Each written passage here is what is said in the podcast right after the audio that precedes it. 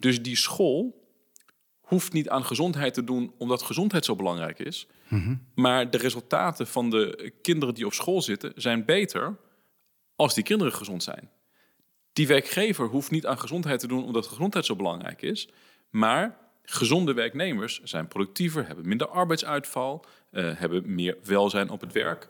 En dat is denk ik wel een mooi perspectief om daarnaar te kijken. Dat het echt om gezondheid gaat en dat gezondheid dus eh, een bijdrage levert aan al die andere maatschappelijke opgaven die we met elkaar hebben.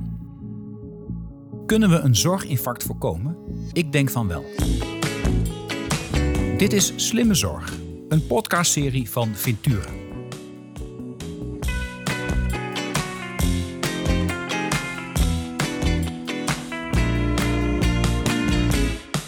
Mijn gast van vandaag is Jochem Miro. Jochem is hoogleraar economie van de volksgezondheid aan de Rijksuniversiteit Groningen. En daar doet hij onderzoek naar en geeft hij onderwijs over gezondheidsverschillen in ons land. Tevens is hij wetenschappelijk directeur van Lifelines. En dat is de biobank in Noord-Nederland, waarin 167.000 deelnemers sinds 2006 om de vijf jaar vrijwillig hun gezondheidsdata delen.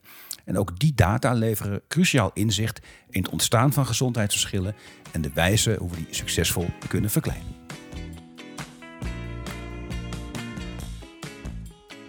Welkom Jochen, ik durf jou al aan te kondigen als vriend van de show inmiddels. Het is je derde optreden in de Slimme Zorg podcast. En voordat anderen nou jaloers worden en vragen hoe kan dat nou? We hebben een reguliere aflevering opgenomen ooit van de Slimme Zorg podcast. Uh, we hebben een speciale corona-aflevering opgenomen. Een van de best beluisterde afleveringen overigens ooit. Of het aan jou of aan het onderwerp, we zullen het nooit weten. Um, en deze keer heb ik je uitgenodigd om eens te kijken hoe jij met jouw wetenschappelijke, maar ook maatschappelijke blik kijkt naar uh, gezondheid. En dat vooral in het kader van de verkiezingen die eraan komen.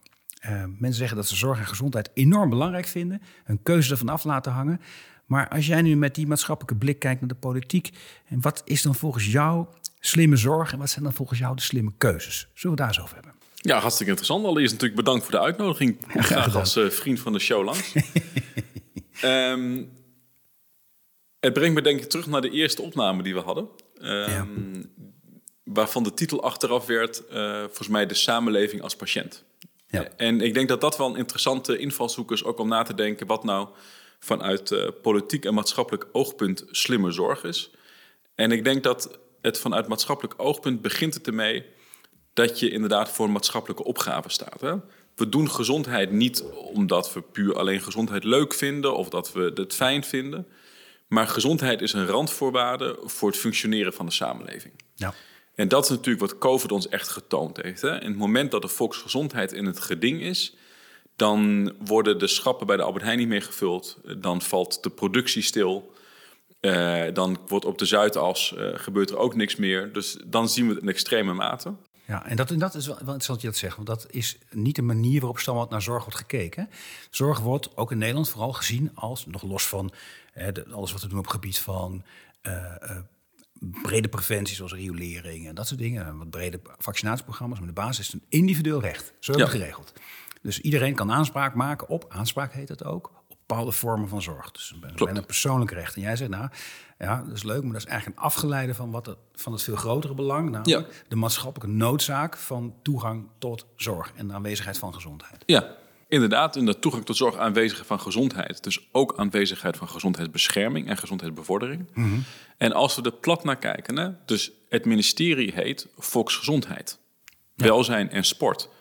Er is geen zorg. Er staat geen zorg in, er staat geen ziekenhuis in, er staat geen ouderenzorg in. Nee. Dus, en ik denk dat dat als uitgangspunt wel mooi is. Hè? Volksgezondheid om welzijn te, be te bevorderen en sport is ook fijn. Maar die twee kernbegrippen, volksgezondheid en welzijn, zijn denk ik belangrijk. Mm en ook dat we dus kijken naar uh, hoe we gezondheid uh, echt kunnen bevorderen. Omdat gezondheid inderdaad randvoorwaardelijk is voor heel veel andere dingen die we doen. Mm -hmm. uh, je ziet dat er nu een, een soort nieuwe term geïntroduceerd wordt. komt over uit Engeland. En we kenden in Nederland al health in all policies. Integraal gezondheidsbeleid. Mm -hmm. Dat je eigenlijk al het beleid door een gezondheidsbril bekijkt. En waar we naartoe aan bewegen zijn, is het zogenaamde health for all policies. Wat eigenlijk als uitgangspunt heeft dat welk beleid je ook maakt, mhm. je maakt het beter in het moment dat mensen gezond zijn. En dat vind ik wel een heel sterk uitgangspunt. Dus die school hoeft niet aan gezondheid te doen omdat gezondheid zo belangrijk is. Maar de resultaten van de kinderen die op school zitten zijn beter als die kinderen gezond zijn. Die werkgever hoeft niet aan gezondheid te doen omdat gezondheid zo belangrijk is. Maar gezonde werknemers zijn productiever, hebben minder arbeidsuitval, uh, hebben meer welzijn op het werk. En dat is denk ik wel een mooi perspectief om daarnaar te kijken. Dat het echt om gezondheid gaat en dat gezondheid dus uh, een bijdrage levert aan al die andere maatschappelijke opgaven die we met elkaar hebben. Ja, ja dat is interessant. En dat is overigens ook een, uh, een standpunt dat ik politiek nog niet vaak gehoord heb. zorg is echt wordt, is politiek belangrijk. Hè? Het is maatschappelijk belangrijk, wordt belangrijk gezien. Gezondheid is vooral iets om goede sier mee te maken in de, in de politiek. Dus vraag aan iemand, wilt u gezondheid bevorderen? Zeggen ze altijd ja. En wat gaan we dan doen? Nou, dan komen ze nog wel tot uh, uh, accijnsverhoging, uh, verkoopverboden, dat soort dingen. Maar dan gaat het over suikertaxen, noem maar op. Hè. Daar kun je voor of tegen zijn. De suikertax ben je bijvoorbeeld voor, weet ik. Hè. Maar ja. dat is niet de heilige graal om gezondheid te bevorderen. Dat gaat, zit veel dieper, er zit ja. veel fundamentele overweging bij elke keuze die je maakt. En je zegt, ja. en, en beide zou je moeten doen. Je zou bij elke keuze die je maakt ook in je achterhoofd moeten hebben, draagt dit bij aan gezondheid. Ja. Maar je zegt ook, de keuzes worden beter als die gemaakt worden door gezonde mensen. Juist. en, dat, en, en die, hè, dus dat heet dan de co-benefits, dat is denk ik een heel mooi perspectief om naar te kijken. Mm -hmm. En het sluit denk ik ook wel aan bij de grondwettelijke basis die wij geven aan volksgezondheid in Nederland. Hè? Mm -hmm. Artikel 22.1 zegt dat de staat uh, de volksgezondheid bevordert, maatregelen treft ter bevordering van de volksgezondheid. Ja. En daar staat ook niet de staat zorgt ervoor dat er ziekenhuizen zijn, dat er zorgverzekeraars zijn, maar het gaat om die volksgezondheid. En ik denk dus dat in die zin slimme politiek daarin dus ook gezondheid voorop zet. En kijkt hoe kunnen we beleid maken wat bijdraagt aan de volksgezondheid in Nederland, nou, voor een deel daarbuiten, maar met name in Nederland. En daar is zorg een belangrijke schakel in. Maar de zorg draagt ook maar mondjesmaat bij aan gezondheid. dus we moeten ook niet overschatten dat gezondheid vooral iets is wat te maken heeft met zorg. Maar onze gezondheid is veel meer afhankelijk van onze bestaanszekerheid. Uh, van het feit dat we via het bouwbesluit in goed geventileerde woningen wonen. Dat we vanwege uh, de arbo-wetten op het werk op een goede stoel zitten. Dat we beperkte arbeidstijden hebben. Dat we vakanties hebben. Um, dat uh, het, het, voedselaanbod uh, in de kern uh, veilig is. Nog even afgelopen wat er allemaal is, maar als je ja. kijkt naar wetgeving... Extreem veel veiliger dan 100 jaar of 15 jaar geleden. Absoluut. Hè? Ja. In de jaren 40 was maagkanker een van de belangrijkste doodsoorzaken. Mm -hmm. Vanwege slechte voedselkwaliteit. Nou, dat hebben we echt onder controle gekregen. Ja. En dat draagt echt heel veel bij aan onze gezondheid. En heeft ook een grote bijdrage geleverd aan het feit dat we steeds ouder worden. Mm -hmm. En ik denk dus dat we daar ook in de politiek ons er veel van doordrongener moeten raken. Dat gezondheid in continuum is waarbij zorg echt belangrijk is. Hè? Nou, we hebben dat allebei zelf ervaren, maar ook in onze familiekring hoe belangrijk uh, zorg is. Zeker, ja. Uh, en dat is natuurlijk iets wat we ook elke dag koesteren. Het feit dat er ziekenhuizen zijn, betekent ook dat veel van onze vrienden en familie nog in leven zijn. En dat is denk ik ook iets waar we heel dankbaar voor mogen en moeten zijn. En geeft ook rust dat je weet, als er mij wat gebeurt, dan is er zorg en word ik opgelapt of word ik ja. opgevangen, noem maar op. Hè. Dus, uh, ja. Absoluut. Mm -hmm. Maar we moeten tegelijkertijd ons ook bewust zijn dat wij als maatschappij een rentmeesterschap hebben over die zorg. En dat mm -hmm. we de zorg niet onnodig moeten belasten met allerlei problematiek die daar helemaal niet in thuis hoort. Mm -hmm. En daar komt jouw punt van dat individuele recht. Dat is natuurlijk heel interessant. We hebben een individueel recht op zorg, maar geen individueel recht op gezondheid. Nee. Dus we hebben best wel wat sociale problematiek die uiteindelijk in de zorg opgelost moet worden, omdat we op dat moment een wettelijk recht hebben om dat te doen. Ja. Ja. Maar ik geef dan wel eens het voorbeeld van, de, van een, iemand die dakloos is, dakthuisloos is, die een hartaanval heeft. Mm -hmm. Wordt met de ambulance opgehaald, krijgt echt hele goede zorg. Zijn we in Nederland heel goed in. Ja, maakt niet uit of je dakloos bent. Ik krijg dezelfde zorg als een multimiljonair. Ja, ja en ja. dan zien we ook, hè, ja. Nederlandse zorg op toegankelijkheid wordt heel hoog gescoord. Ja. En daarna sturen we hem naar huis. Ja, terwijl hij toch in de ziekenhuis even een warm dak overschoten had. Ja, en dan is dus... Hè, dus gaan wij dan uh, sociaal-economische problematiek... wat natuurlijk dakthuisloosheid een extreem voorbeeld van is... Mm -hmm. gaan we dat oplossen in een ziekenhuis? Nee. nee. En moeten we dat oplossen in een ziekenhuis? Ook niet. Nee. Ehm, dus ik denk dat we daar door een bredere blik op gezondheid zeggen van nou, het gaat om bevorderen van de gezondheid van mensen. En dak- en thuisloosheid is echt heel slecht voor gezondheid. Dus laten we een laagdrempelige optie hebben om daar iets mee te doen. En het is een pure politieke vraag of we dat willen of niet, want het geld hebben we echt wel. Hè? Ja. Uh, en datzelfde geldt met armoedeproblematiek in de breedte. Hè? Dus in Nederland is armoede is een politieke keus die we maken. En we kunnen ook de keus maken dat het er niet is.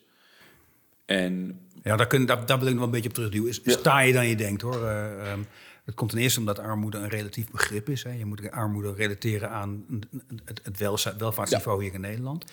En welke maatregel je ook neemt, daarmee verdwijnt armoede uiteindelijk niet. Bijvoorbeeld, hè, je kunt zeggen, nou, wat, wat we nu veel zien, we gaan schoollunches uitdelen. Want er zijn ouders die zeggen, ik geef mijn kinderen geen ontbijt. -hmm. uh, of omdat ze dat, dat ze zeggen, ja, kan ik niet betalen. Dat is ook een keuze, want dan kunnen ze wel andere dingen betalen, Zeker. maar het ontbijt niet. En dan springt de overheid in dat gat, gaat, gaat het ontbijt geven.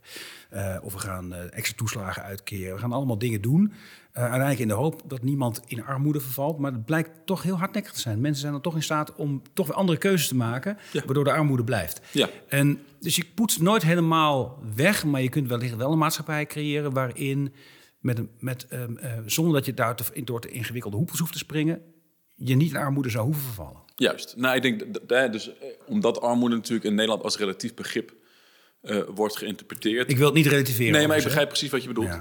Ja. Um, maar ik kijk met name even, eh, bijvoorbeeld, we hebben het concept de working poor. Een beetje uit Amerika overgewaaid, maar kennen we in Nederland ook. Mensen Absoluut. die gewoon 40 uur per week werken, Ja. maar uiteindelijk van een hele stelsel van toeslagen afhankelijk zijn van de voedselbank en weet ik wat allemaal om rond te komen. Ja. En daarvan denk ik, ja, dat is ergens een politieke keus. En ik denk dat we daar als maatschappij ook zouden kunnen zeggen dat de type economische bedrijvigheid wat wij in Nederland willen hebben, Mhm. dat is in principe bedrijvigheid waarbij als jij fulltime werkt, dat je daarmee je huur kunt betalen of je hypotheek, dat je één, twee keer per jaar op vakantie kunt gaan, dat je zonder allerlei toeslagen rond kunt komen, dat je dat als uitgangspunt hebt. Ja, en als dat lukt, dan, zeg je, dan hoor ik jou ook door tussen de regels door zeggen, draagt dat enorm bij aan gezondheid van mensen. Absoluut. Want het geeft rust, Het geeft rust. minder afhankelijkheid, eh, noem maar op. eh. Het geeft ook de financiële ruimte om inderdaad eh, gezondere keuzes te maken. Ehm, het geeft inderdaad ook de, de mentale rust om eh, niet constant aan stress blootgesteld te worden. Het geeft je ook een veel langer toekomstperspectief, waardoor je misschien de keuzes die je maakt veel meer in een lange termijn perspectief zet. Waarbij natuurlijk dan het beschermen van je gezondheid belangrijker wordt. hè. Als het vanwege stress en armoede je tijdshorizon heel kort is, dan kan ik wel bij jou langskomen en zeggen van... goh, het zou goed zijn als je stopt met roken, want dan leef je langer. Ja. En zegt van ja, maar wat maakt mij dat uit of ik langer leef? Ik denk aan morgen. Ja, en ik heb stress, dus ik steek er nog één op. Ja. Ja. En, dat, weet je, en dan vind ik diegene... het is ook niet eerlijk om diegene dan op aan te spreken erop. Maar het is wel het creëren van een omstandigheid waarbij je... eh, een rustige, gezondere keuze kan maken. Wat niet betekent dat, we, dat mensen dan in één keer hè, eh, veganistische triatleten worden. Maar dat ze de keuzes die ze maken waar ze een risico nemen, dat zelfbewust doen. Dus als ze af en toe een paar wijntjes willen drinken en misschien eens een keer een biertje te veel, so be it. Maar dat ze dat niet doen vanuit een perspectief van hopeloosheid, maar dat dan echt hun bewuste keuze is. Nou, weet je, doe het.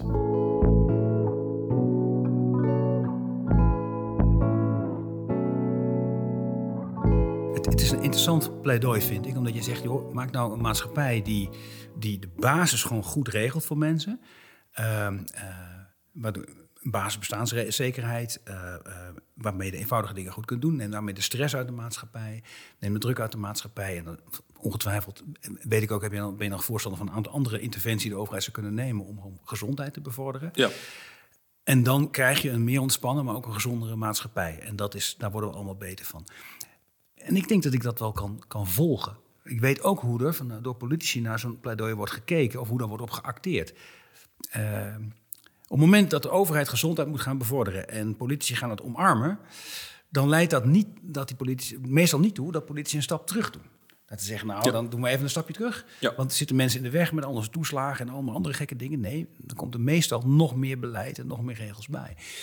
En daar zit, zit ook wel een beetje de vrees van. Moeten we dan nog een keer iets anders gaan doen? Dus laat ik het zo zeggen, als we gaan sturen op gezondheid... dan moeten we ook dingen loslaten. We moeten misschien Mhm. Ja. dingen ook niet meer doen. Ja. Om te zorgen dat we ruimte krijgen... om weer een beetje een normale, ontspannen, gezonde maatschappij te worden. Heb Ja, je daar dat- ideeën bij, Johan? Ja, absoluut. Kijk, hè, dus eh, eh, zoals je weet ben ik grote voorstander van het sturen op gezondheid en er gewoon gezondheidsdoelen te hebben waar je eh, Ja. ook als kabinet verantwoordelijk voor bent met een coördinerend bewindspersoon, Ja, niet alleen de zorgplicht, maar ook een gezondheidsplicht. maar ook een gezondheidsplicht. Ja. Ik denk in het moment dat je echt op gezondheid gaat sturen, Mhm. dat je ook steeds dieper naar de onderliggende oorzaken van ongezondheid gaat kijken. Mhm. En niet probeert het met allerlei interventies op te lossen. eh, maar naar de basis toe kijkt waarom er voor een deel best wel substantiële ongezondheid is. En Mhm. dan kom ik toch bij die grote sociaal-economische kloof. Eh, we weten dat armoede op veel manieren samenhangt met ongezondheid. Blijkt het alle, echt uit alle onderzoeken. Hè? Juist. En jij bent ook directeur van, eh, eh, wetenschappelijk directeur van Lifelines. Ja, En, en Lifelines is het grootste lang, langslopende bevolkingsonderzoek van Nederland, kan ik Ja. zo zeggen. biobank ook. Biobank ook inderdaad. Dus je kunt inmiddels 15 jaar terugkijken Ja. in de tijd van mensen. En dan blijkt ook echt dat die verschillen tussen mensen in wat kansarmere regio's eh, Ja. eh, qua gezondheid. Nou, dat die echt veel slechter scoren dan mensen Ja. in de wat kansrijkere onderdelen. Absoluut. En dat zien we echt op elk punt van de gezondheidslevensloop. Mhm. Dus we zien bij relatief arme mensen hogere blootstelling aan risicofactoren. Gegeven dat ze blootgesteld wordt aan een risicofactor, een hogere kans om de ziekte te ontwikkelen. Gegeven dat je de ziekte hebt, een grotere kans dat die ziekte erger wordt, enzovoort. Ja. Hè, type 2 diabetes is denk ik een mooi voorbeeld daarvoor. Dus we zien dat mensen ehm, vaker, ehm, eh, vaker eh, met overgewicht en obesitas te maken hebben. En misschien komt daarvoor nog hè, eh, het feit, dat komt niet per se uit Lifelines, maar wel uit andere onderzoeken in Nederland, dat relatief armere mensen in hun wijken ook meer blootgesteld worden aan fastfood en fastfoodreclame. Dus je hebt eerst die blootstelling aan die risicofactoren. Dan zien we inderdaad uit Lifelines dat er vaker overgewicht is dan bij mensen met wat meer vermogen. Dan gegeven dat je overgewicht hebt, en als je dan iemand vergelijkt, hè, twee mensen die, die hetzelfde opleidings of die hetzelfde gewichtsniveau hebben, een verschillend opleidingsniveau, dat dan diegene weer een grotere kans heeft om diabetes te krijgen. En gegeven dat hij diabetes heeft, heeft hij een grotere kans om complicaties daarvan te ontwikkelen. Dus dat gaat helemaal uit elkaar. Ja. En dat begint dus al op heel jonge leeftijd. Dat begint op jonge leeftijd en dat begint inderdaad bij eerst gewoon het bazaal blootstellen aan risicofactoren en eindigt inderdaad diep in de zorg. Vanwege de zorgplicht gaan we in de zorg er wat aan doen, maar daarvoor nog niet. Heel solidair, inderdaad, we zeggen, met toegang tot Absoluut. iedereen. Echt van hoog niveau ook. Ja. Dus, dan, dus zodra het misgaat, Dan zijn we er voor je. ja, dan zijn we ervoor. Ja. Ja, precies. Ja. En dan zie je dus dat, ik denk dat het moment dat je op gezondheid gaat sturen, dat je dus niet alleen maar gaat kijken naar, ehm, naar wat er achteraf gebeurt, maar dan ga je naar kijken, oké, dus die armoede is een belangrijke eh, eh, complicerende factor. Dus we moeten echt wat aan die armoede doen, Eh, omdat die eh, zoveel gezondheidsschade met zich meebrengt, dat als je heel plat eh, een kostenbatenanalyse zal doen, is het maar de vraag of wij ons armoede wel kunnen veroorloven. En misschien is armoede eigenlijk gewoon veel te duur voor ons en moeten we andere keuzes maken.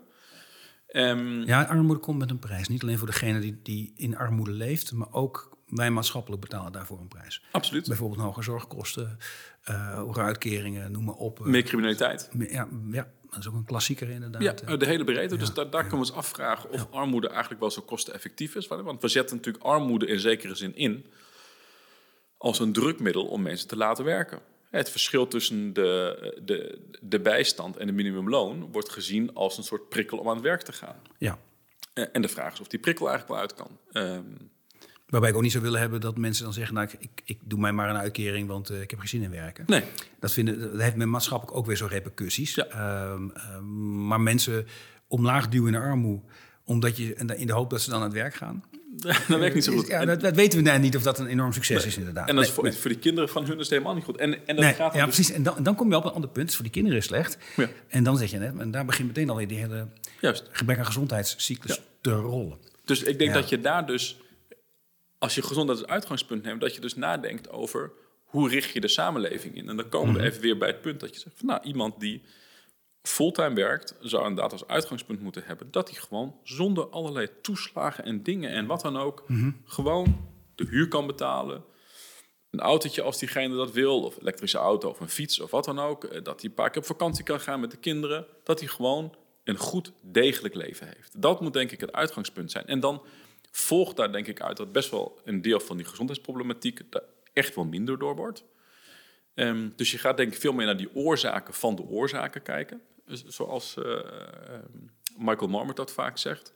En dat is denk ik wel een mooi uitgangspunt. Omdat ik denk dat als we meer partieel sturen, wat we nu wel voor een deel doen, eh, dan beperk je eigenlijk ook een grote mate de beleidsvrijheid die er is. Omdat je zegt van nou weet je, die uitkomsten, om ons daaraan te verplichten, dat is best wel ingewikkeld. Want we kunnen niet, er is geen knop volksgezondheid waar ik aan kan draaien als minister. En dit is overigens geen knop armoede om aan te draaien. Nee, Het is veel te ingewikkeld. dus dat gaat indirect. Dus we vervolgens Ja. zeggen van nou, we kunnen niet aan die gezondheidsknop draaien.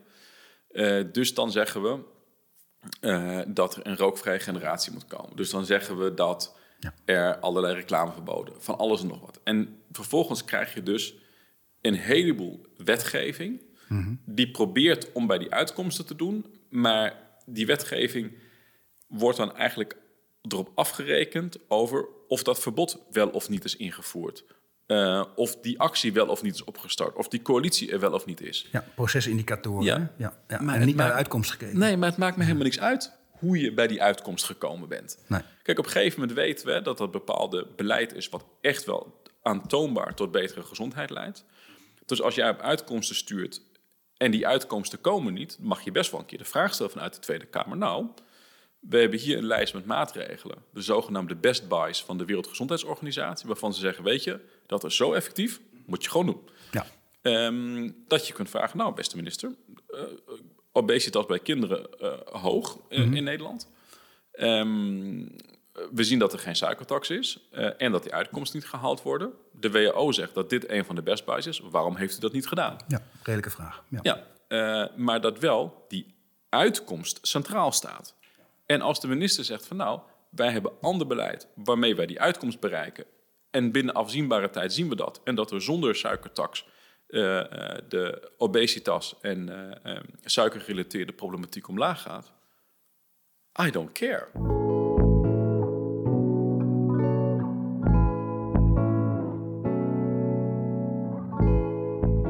Wat ik zelf een interessant voorbeeld vind, voor mij heb jij het zelf met me een keer aangereikt, zijn bijvoorbeeld de klimaatdoelen. Hè, en dan vooral het hele concrete doel volgens mij voor de CO2-reductie in Nederland.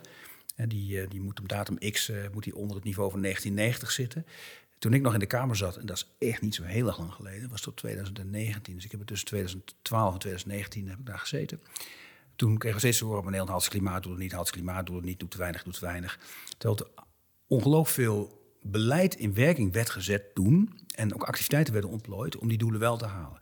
En, ehm, en in één keer, nu zitten we ruim op, op steken om die doelen te halen. En dat komt allemaal doordat we inderdaad heel langjarig hebben gewerkt aan richting dat doel. Ja. En misschien niet elk jaar op zich, op zich in een rechte lijn naartoe bewogen hebben. Maar in één keer gebeurt het. Ja. En wat ik ook interessant vind bij die klimaatdoelen, om, en ook wel in lijn met deze, is een discussie over kernenergie. Die kon Ja. jarenlang niet meer gevoerd worden. Dat was allemaal fout. En, en hoe groener de politiek is, hoe fouter de kernenergie was. ja. Ehm, maar door zo'n heel duidelijk doel te stellen, zeggen maar dit, dit vinden we echt met elkaar heel belangrijk. Want anders, Ja. anders eh, hebben we misschien hier eh, niet alleen te warm, maar ook niet meer te eten en noem maar op. Komt in één keer die discussie terug en zegt, nou, wellicht toch maar wel doen. Hè, met mate en ook andere dingen. Maar, en, eh, en dat is in zorg en in de zorg, en ook als het gaat over gezondheid, zijn ontzettend veel dingen, daar mag je het niet over hebben. Hè, als we hebben over ouderenzorg, dat is, is echt een 100% taboe onderwerp. Ja. Ehm, eh, nee, nee, nee, er moeten gewoon meer mensen handen aan het bed, noem maar op. Nou, die handen die zijn er niet. Eh, de vraag naar die zorg verdubbelt. Eh, we, we krijgen daar geen fatsoenlijk gesprek over. Dus Ja. we moeten het er echt over gaan hebben. Hoe wij die wereld willen inrichten rondom de zorg voor ouderen. En dat kun je niet alleen binnen de zorg oplossen. Dat is echt ook een maatschappelijk vraagstuk. Hoe ziet de maatschappij eruit? Ja. Waarin we meer naar elkaar omzien. Waarin mensen elkaar meer helpen, langer op de been houden. En ook langer gezond blijven om elkaar te kunnen bijstaan. Ja. Het is geen populair verhaal, eh, Johan. Nee, maar, het is, maar dat is natuurlijk wel het maatschappelijke debat wat we moeten voeren. Hè. Dus ik vond dat er in het ISA, kun je heel veel over zeggen, maar ik vond dat er veel verstandige dingen in stonden. Ik ook. Ehm, en als het gaat over zorg, hè, zit natuurlijk in het stuk passende zorg, eh, nou, komt er ook wel het een en ander over wat is dan, waar is dan de grens aan zorg. Maar de grote maatschappelijke discussie over wat is zorg, wat is geen zorg, Uh, en gegeven, hè, dus je kunt het ook omdraaien. Je kunt zeggen van nou, we hebben gewoon, um, laten we zeggen 10% van het bruto binnenlands product, 12%, ongeveer 100 miljard hebben we over aan zorg. Mhm. En heel plat, en geen cent meer. Um, en hoe gaan we dat dan zo inzetten? Daar zijn we, nu, zijn we nu klaar, hè? Want dat, dat geeft op dit moment. Ja. Dat, dus dat als gedachte-experiment is wel aardig. Stel, dit is gewoon wat we doen. Ja, vinden we dat veel geld? Ja, is veel geld. is veel geld. Ja. En, en dat gaan we zo inzetten dat we daar de meeste gezondheid voor terugkrijgen. Mhm. En dat we daarmee de gezondheidsverschillen verlagen. Dus hè, we proberen die gezondheidsdoelen na te streven, zoals we in het missiegedreven innovatiebeleid volgens mij al in 2019 uh, met, elkaar hebben, uh, met, met elkaar hebben afgesproken. En dan zul je zien dat je harde gesprekken kunt hebben over, uh, over financiën, over personeel, over van alles nog wat. Maar het gaat ook gewoon over het gesprek. Over ja, en wat, wat is dan zorg en wat zijn activiteiten die bijdragen aan het welbevinden van mensen? En dan zullen we denk ik niet per se alles dat doen wat we nu aan het doen zijn. Als we echt gezondheid als uitgangspunt nemen. En dus ook in de zorg gezondheid als uitgangspunt nemen. En niet, oh, u heeft die indicatie, dus we kunnen deze behandeling doen. Nee, u heeft dit, uh, daar heeft u last van. Mhm. En met welke uh, interventie kunnen we eraan bijdragen dat u daar meer gezonde levensjaren uithaalt? En dat is misschien niet een hele invasieve behandeling, dat is misschien een andere soort behandeling, maar dat je echt als uitgangspunt neemt, wat levert het aan gezondheid voor de patiënt op? Mhm. En wat levert het ook als gezondheid voor de samenleving op? Want we weten, hè, er, is de, er is het gesprek tussen de hulpverlener of de zorgverlener en de patiënt. Ja. Um, maar tegelijkertijd is er ook het gesprek met de samenleving over het feit dat als jij alles krijgt, krijg ik heel weinig. Wel als je met een fixed budget zou werken. Ja. Op dit moment niet, hè? Nu, nu volgen we gewoon de premie. Ja, maar uiteindelijk, maar ergens is er dus in dat gesprek wat je als zorgverlener met de patiënt hebt, Mhm. is de context dat je het niet alleen maar moet hebben over de kwaliteit uh, en de betaalbaarheid van de zorg, maar ook over de toegankelijkheid. Dus wij kunnen misschien wel met z'n tweeën afspreken dat deze zorg van hoge, kwaliteit is en nog best betaalbaar is. Maar als die betekent dat een ander het niet meer kan hebben, dat is niet iets wat in dat tweegesprek plaatsvindt. Want ja, daar zit die ander niet. En dat is wel wat je als samenleving, dat is ook wel de rol van VWS in Nederland, is dat ze systeemverantwoordelijk zijn. Dus ook die systemische vraag over hoe verdelen wij de schaarse personeelmiddelen eigenlijk die we hebben in de zorg optimaal in de samenleving, zodat iedereen uh, aanspraak kan maken op hoogkwalitatieve, betaalbare en toegankelijke zorg.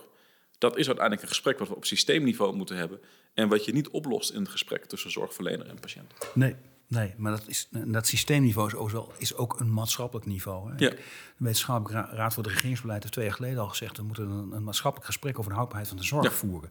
Klinkt heel abstract, Moet wel gebeuren. het is extreem belangrijk. Ik heb ook al die verkiezingsprogramma's gelezen en ik werd daar niet vrolijk van. Ik heb daar ehm, eh, ook voor partijen die zeggen... alles moet een taak van duurzaamheid staan... en daar heel kritische keuze in maken. Ja. En ehm, ik ben inmiddels zelfs zover dat ik denk, en terecht... Ehm, maar er staan ook zorgdingen voor die gewoon volstrekt onhaalbaar niet duurzaam zijn. Niet financieel niet duurzaam. Zegt nou, dan we gewoon premies. En dat gaan we dan wel eh, uitsmeren. En dan betalen de rijken. In de praktijk betalen al de middeninkomens in Nederland. Hè. Maar los daarvan, ehm, want ik wil hier geen politiek pamflet van maken. Daar gaat het mij niet om. Ehm eh, we gaan het vooral om het feit dat er allemaal dingen worden beloofd waarvan we de professionals niet hebben. Nee. Die zijn namelijk op. In Nederland werkt één op de zes mensen in de zorg. Ja. Dat is het hoogste percentage ter wereld. Ja. Er is geen land ter wereld, geen beschaafd land ter wereld... waar zoveel Ja. mensen werken in de zorg. Ja. Daar zit nul rek in. Nee. Er zijn twee provincies waar nog meer mensen werken in de zorg. Dat is in Drenthe en in Groningen. En Dat kan eigenlijk alleen maar omdat dat provincies zijn... waar zeg maar, de, de reële economie, zeg maar, de zakelijke economie... wat kleiner is dan de rest van Nederland. Dus dan is er wat meer ruimte voor de niet, niet-zakelijke economie. Dat betekent tegelijkertijd in de Randstad... die 1 op de 6 niet eens wordt aangetikt. Dan zit je dan nog onder. En dat is eigenlijk al te weinig. En dan gaat de zorgvraag de komende 17 jaar verdubbelen. En die verdubbeling houdt daar nog 20 jaar aan.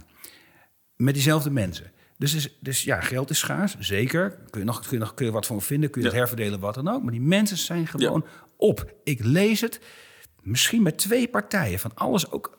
De rest heeft er gewoon niet over. En we zeggen dan, we gaan het pakket uitbreiden. En in elke wijk dit, eh, en in elke wijk een thuiszorgmedewerker. Maar die mensen zijn er niet. Nee.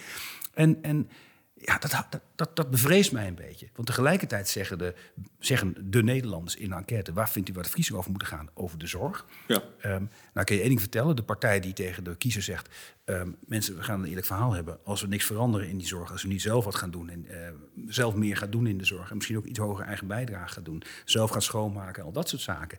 dan is er in 2040 voor u geen zorg. Niet voor de zwakste al helemaal niet. Nou, die politici gaan bepekken veren de verkiezingszaal uit. Ja. En die krijgen nul stemmen. Hoe lossen we dit op? Nee, Moet het toch over... Ja, nee, maar ik denk vraag dat, ik aan de professor. Nee, heel goed. Ja, heel mooi.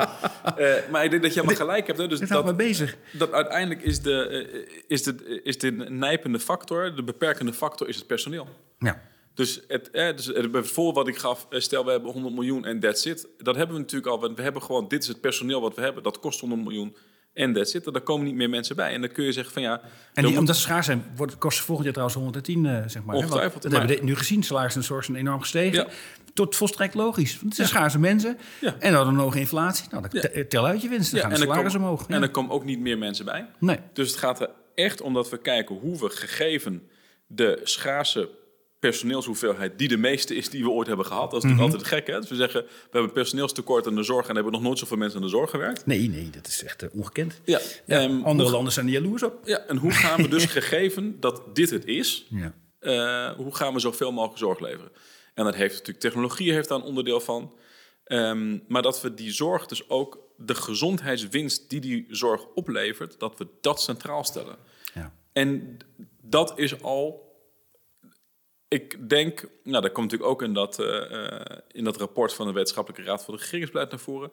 Als we echt scherp gaan kijken wat werkt en wat werkt niet in termen van hoeveel gezondheid het oplevert, is er ook nog best wel wat rek in. En daar komt het belang uh, ook wel van echt weten wat we doen, komt daarin. Hè? Dus we hadden het begin al even over lifelines, maar lifelines en ook heel veel andere data-infrastructuur, maar dan hebben we het even over lifelines. Blijft daar wordt daar steeds belangrijker in. Dat we echt weten, wat, heeft nou, wat zijn nou de determinanten dat mensen gezond ouder worden. En we hebben natuurlijk ook mensen bij ons bij Lifelines die uh, wat minder gezond zijn. En we weten wat voor uh, zorg die hebben gekregen. En dat we echt kunnen kijken, wat levert dit nou op? Dat we het ook zo inrichten dat we in de zorg ook echt een beeld krijgen van hoeveel gezondheid hebben wij nou met die 100 miljard, of dat personeel, mm -hmm. hoeveel gezondheid hebben we daar eigenlijk mee geproduceerd? Want als je die vraag stelt, gewoon de platte kamervraag, hoeveel gezonde levensjaren hebben wij gekregen voor de 100 miljard die er aan zorg geleverd is? Daar is geen antwoord op. Nee, dat weten we ook niet. Dat weten we niet. Nee. En dan geef je dus 100 miljard uit. En op een gegeven moment stel je de vraag: en wat heeft dat nou opgeleverd in termen van het doel waartoe we dat doen, namelijk gezondheid? We don't know. Nee, dat weten we niet. Er wordt ook niet gemeten, hebben we niks voor. En dat is jammer, want ik denk dat we daar dus ook uh, bij een nieuw kabinet, en dat is meer een soort, uh, nou ja, soort taakopdracht die richting RIVM, Centraal Planbureau en ik denk aan het begin hè, ook vanuit de universiteiten om daar wat, wat ideeënvorming over te doen en de UMC's ja. kunt doen. Laten we nou in Nederland met elkaar een raamwerk ontwikkelen vanuit al die mooie infrastructuren die we hebben, om een beeld te krijgen van wat levert nou eigenlijk uh, de uitgaven die aan volksgezondheid doen, wat levert het eigenlijk op? En niet met, om, om een soort scorebordjournalistiek te doen van kijk, uw voorganger heeft er zoveel. Nee, om vervolgens ook te kijken van ja, en als we nou naar die hele verdeling kijken, dan heeft niet elke euro hetzelfde rendement gehad in termen van gezondheid. En hoe kunnen we nou dat zo inzetten dat we daar het meeste welbevinden en welzijn van mensen voor genereren? En dat is uitgangspunt. Dan zeggen we, oké, dit is personeel wat we hebben. Aan de ene kant, dat is de input. En de output is de gezondheid die het oplevert. En dat willen we zo goed mogelijk neerzetten. Maar dan weten we dus, in de zorg weten we altijd wat het kost. Maar we weten bijna nooit wat het oplevert. En dat is echt een hiaat.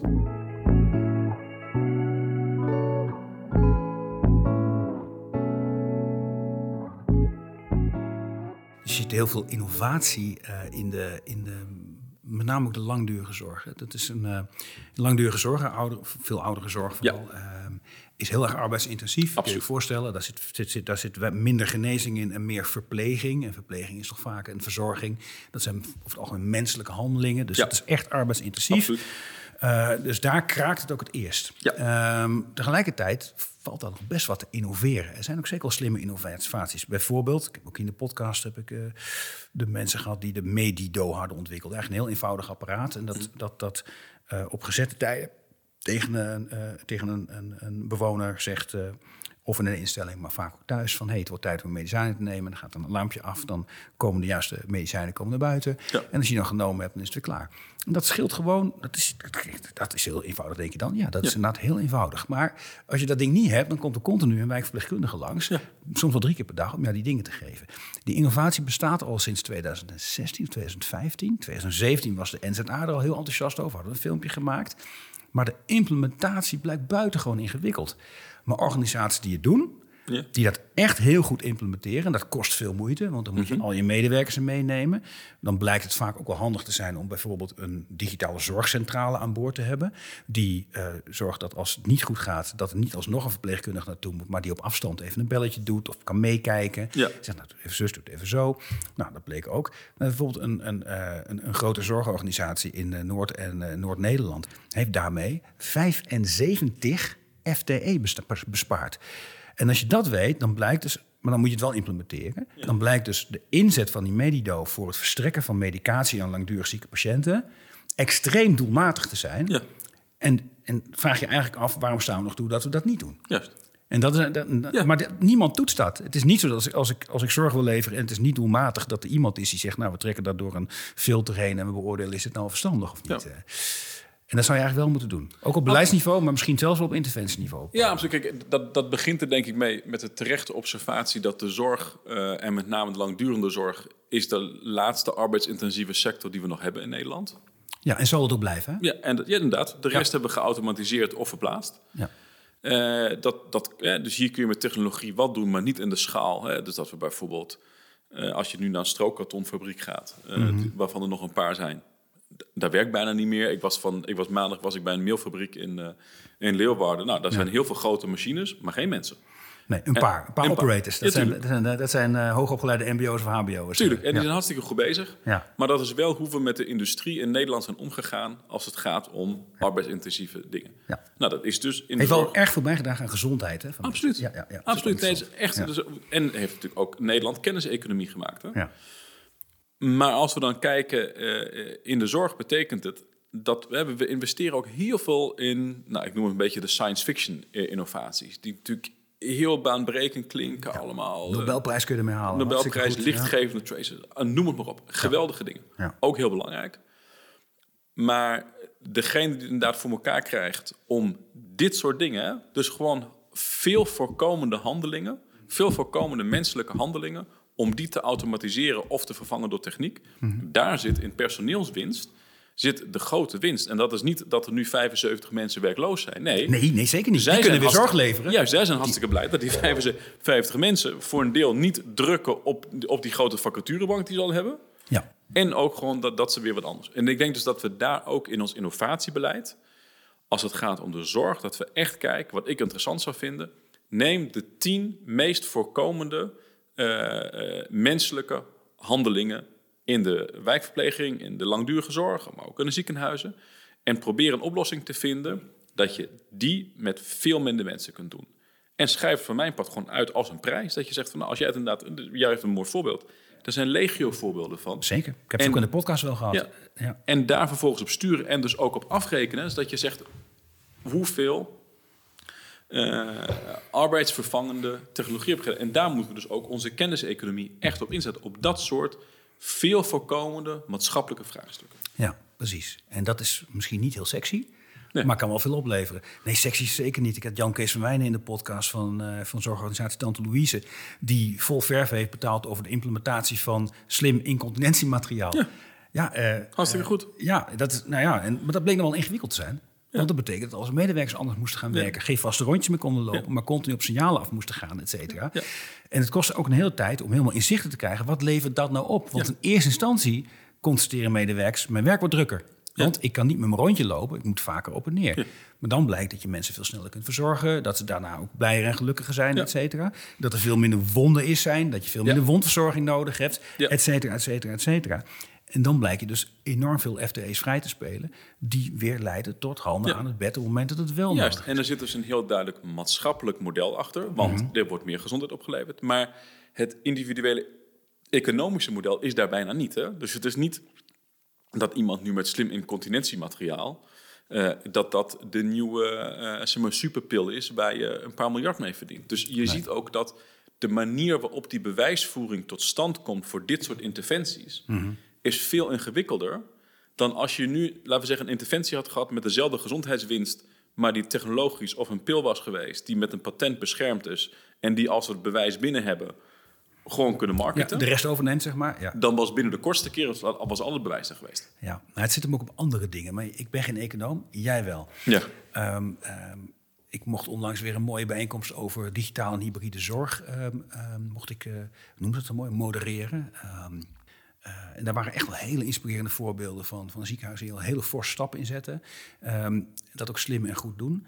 Maar al deze, alle organisaties lopen tegen iets ingewikkelds aan. Zeggen namelijk, hoe financier ik dat? Ja. Want zo'n monitoring, bijvoorbeeld telemonitoring consult, waarbij je een langdurig zieke patiënt niet meer de poli ontvangt, maar gewoon op afstand monitort, wordt veel slechter betaald dan wanneer je die patiënt gewoon laat komen. Dus wat gebeurt er in de praktijk? Heel vaak laat men de patiënt gewoon komen. Ehm, en die verzekeraars die, die breken ook hun hersenen over. Hoe doen we dat dan? Eh, ja, je kunt toch niet onbeperkt aan die digitale zorg heel veel betalen? En dan denk je, ja, maar misschien wel. Waarom ga je nou niet een digitaal consult beter belonen dan een fysiek consult? Als niet zozeer geld, maar mensen het schaarse middel zijn. Is dat nou een heel raar idee?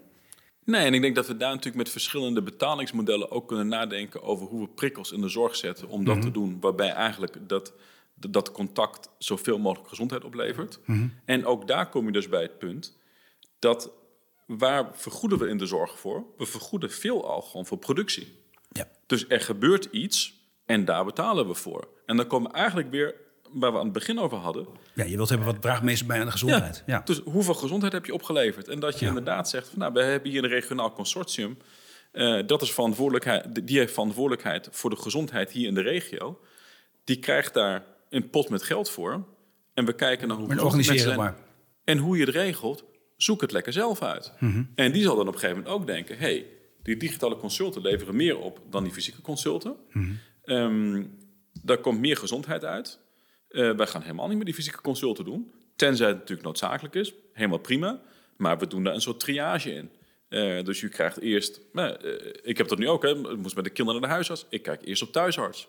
Ja, doe ik ook. En, Top eh, innovatie. Beste mensen, kijk erop. Ja, vind ik geweldig. Dan weet je, ah ja, oké, een beetje dit aan de hand. Nou, ik wacht nog wel even een dagje. Ja.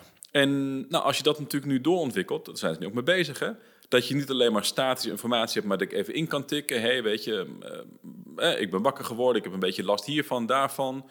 Eh, gisteren een beetje koortsig, wat anders, wat zou het kunnen zijn? En ik krijg van AI een beetje, nou, u heeft waarschijnlijk dit. Eh, neem, nou, eh, de richtlijn zou zijn, neem eh, twee paracetamol en, en misschien wat later ibuprofen. Ik weet het niet.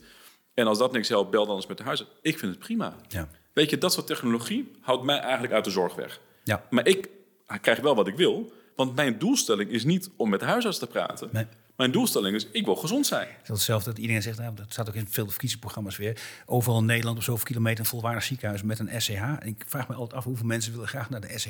Ja, niet. En hoe vaak... en, en, Ja, nou, maar dat is toch helemaal niet leuk. Nee, en met die ziekenhuis denk ik... En als die ambulance zit en die rijdt 10 kilometer verder, dat zal mij wat jeuken. Maar goed, misschien ben ik een atypische eh, patiënt. Nou, en hoe vaak in je leven heb je nou een interventie in het ziekenhuis? Ja, dus dat de huisarts dichtbij moet zijn, daar ga je nog best wel vaak heen. Maar ja, daarvan denk ik ook, eh, als ik eerst met thuisarts, dan misschien met een ding waar ik mee kan, met een computer kan chatten. En dan later misschien een digitale consult. En pas daarna dat ik daar fysiek heen kan, eh, is ook voor mij veel makkelijker. In Zweden is het standaard, hè, Ja, trouwens. want als ik me dan een beetje medium voel, maar ik kan wel naar het werk gaan. Nou, dan kan ik vanuit het werk nog even met de huisarts overleggen. Hoef ik daar niet fysiek heen? Dan moet ik toch altijd weer langer wachten. Want- Dus dat we ook dat inrichten. Dus dat dat in principe dichtbij is. Eigenlijk heel dichtbij. Gewoon op je mobieltje. En anders in de, in de wijk. Maar in je hele leven, je hebt heel weinig interventies. Echt in een ziekenhuis. Hè? Dus, en niet zozeer jij en ik, maar gewoon als we kijken over het hele leven van mensen, hebben ze uiteindelijk Heel is, weinig. is uitzonderlijk dat mensen veel, en vaak ook mensen die gewoon ziek worden. Als je ouder wordt, vaak wel. Hè? Dus met de Ja. leeftijd kan het oplopen. En dan moet je je afvragen of ziekenhuis altijd de beste plek Juist, is. maar dan is dus vaak dat je niet naar het ziekenhuis gaat voor de interventie, maar gewoon voor overleg met een specialist die toevallig in het ziekenhuis is. Ja, en dan zeggen, mensen, gekund wellicht. Ja. dan zeggen mensen, ik ben bij het ziekenhuis geweest. Dat klopt, maar als je er echt over nagaat, hoe vaak ben je voor een interventie in het ziekenhuis geweest? ja. Bijna nooit. Nee. Dat is je geboorte. Nou, als ik het bij mezelf... Toen ik geboren ben, ik heb een keer mijn been gebroken. Ik heb een keer eh, mijn lip gescheurd. Moest naar de ECH. Was wel... Ja. hè? Maar ja, dan moet je dan heen. Nou, Als, de, als ik... eh, Ik wa- was op Zenneke complex. Ik ben naar het UMCG gegaan. Ehm, als dat was geweest... Groningen hier, hè? Ja. Ja, eh, als het was geweest, oké, je moet dat in Assen doen. Ja, eh, daar was mijn lip niet anders van geworden. Nee, ik heb een galblaas gehad en nog een keer wat anders volgens mij. En dat is het. En dat is inderdaad in 40 jaar. Ben je dan zes keer. En dan is het inderdaad misschien dat het later vaker is. Maar dan is het niet voor interventies. Maar dan is het inderdaad overleg met een specialist, controleonderzoek. Dat kan ook gewoon in een goed geïntegreerd gezondheidscentrum in de buurt. Waar je dan een digitaal consult hebt met een specialist. ja. Dus ik denk als we kijken naar hoe vaak er echt voor interventies, is dat toch niet heel vaak. En eh, daar ben je ook wel bereid voor te reizen. Die galblaas die is in Amsterdam eruit gehaald. Prima.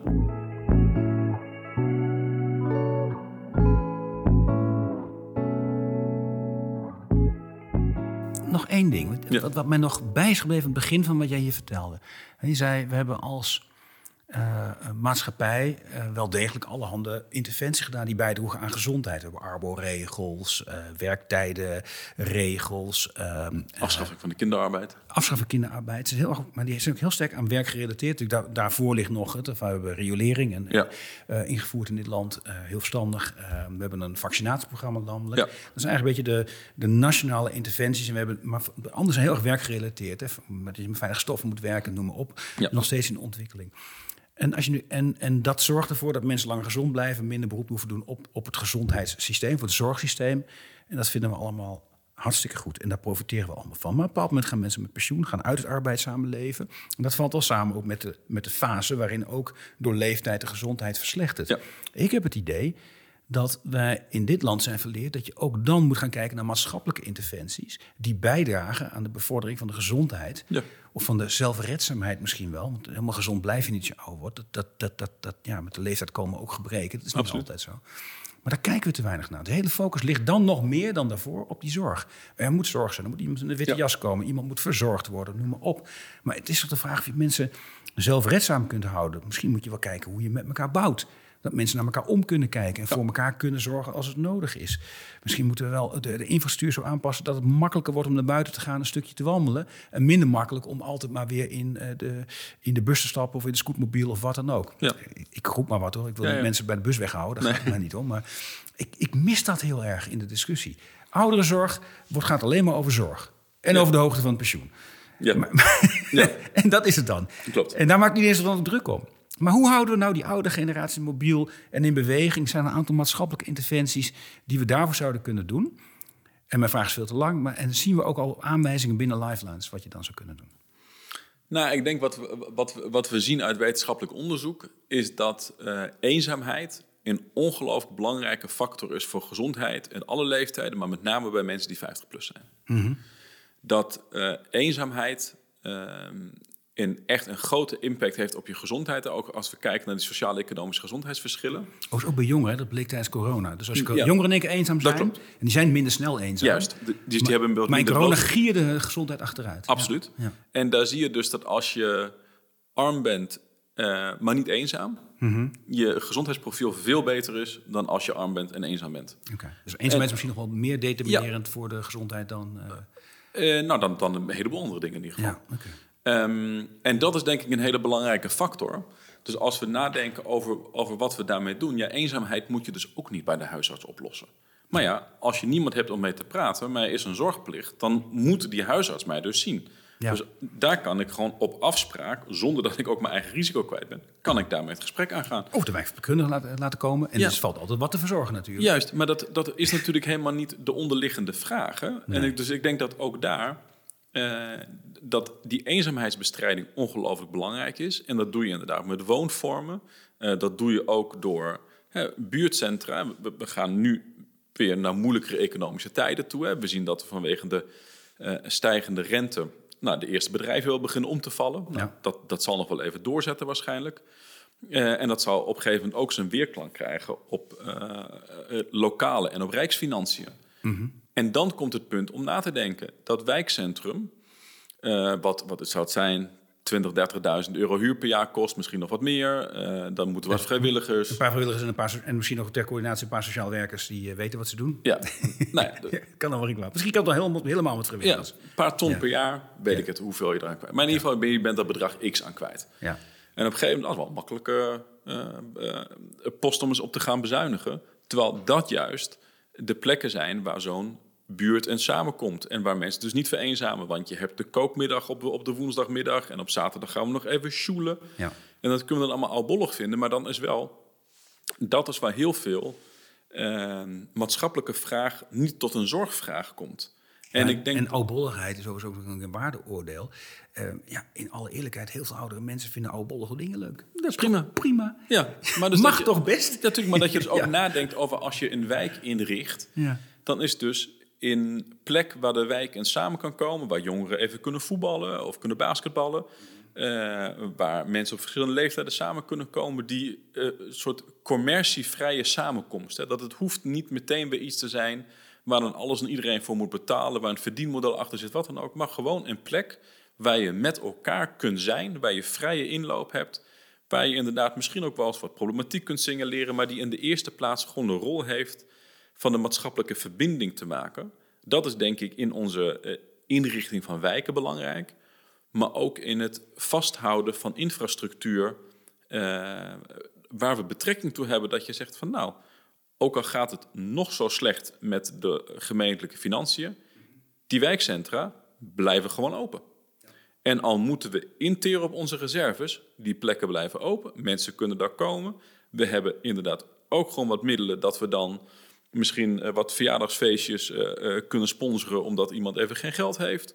Er is van alles nog wat. En we gaan dat niet zo inrichten. Oh ja, nee, je moet de prijs van het eten wel omhoog, maar dat moet zich terugverdienen. Nee, dat gaat gewoon strak gesubsidieerd, omdat je daarmee waarschijnlijk uiteindelijk heel wat andere, veel duurdere sociale problematiek, als namelijk die zorgplicht in één keer naar binnen komt, Ja.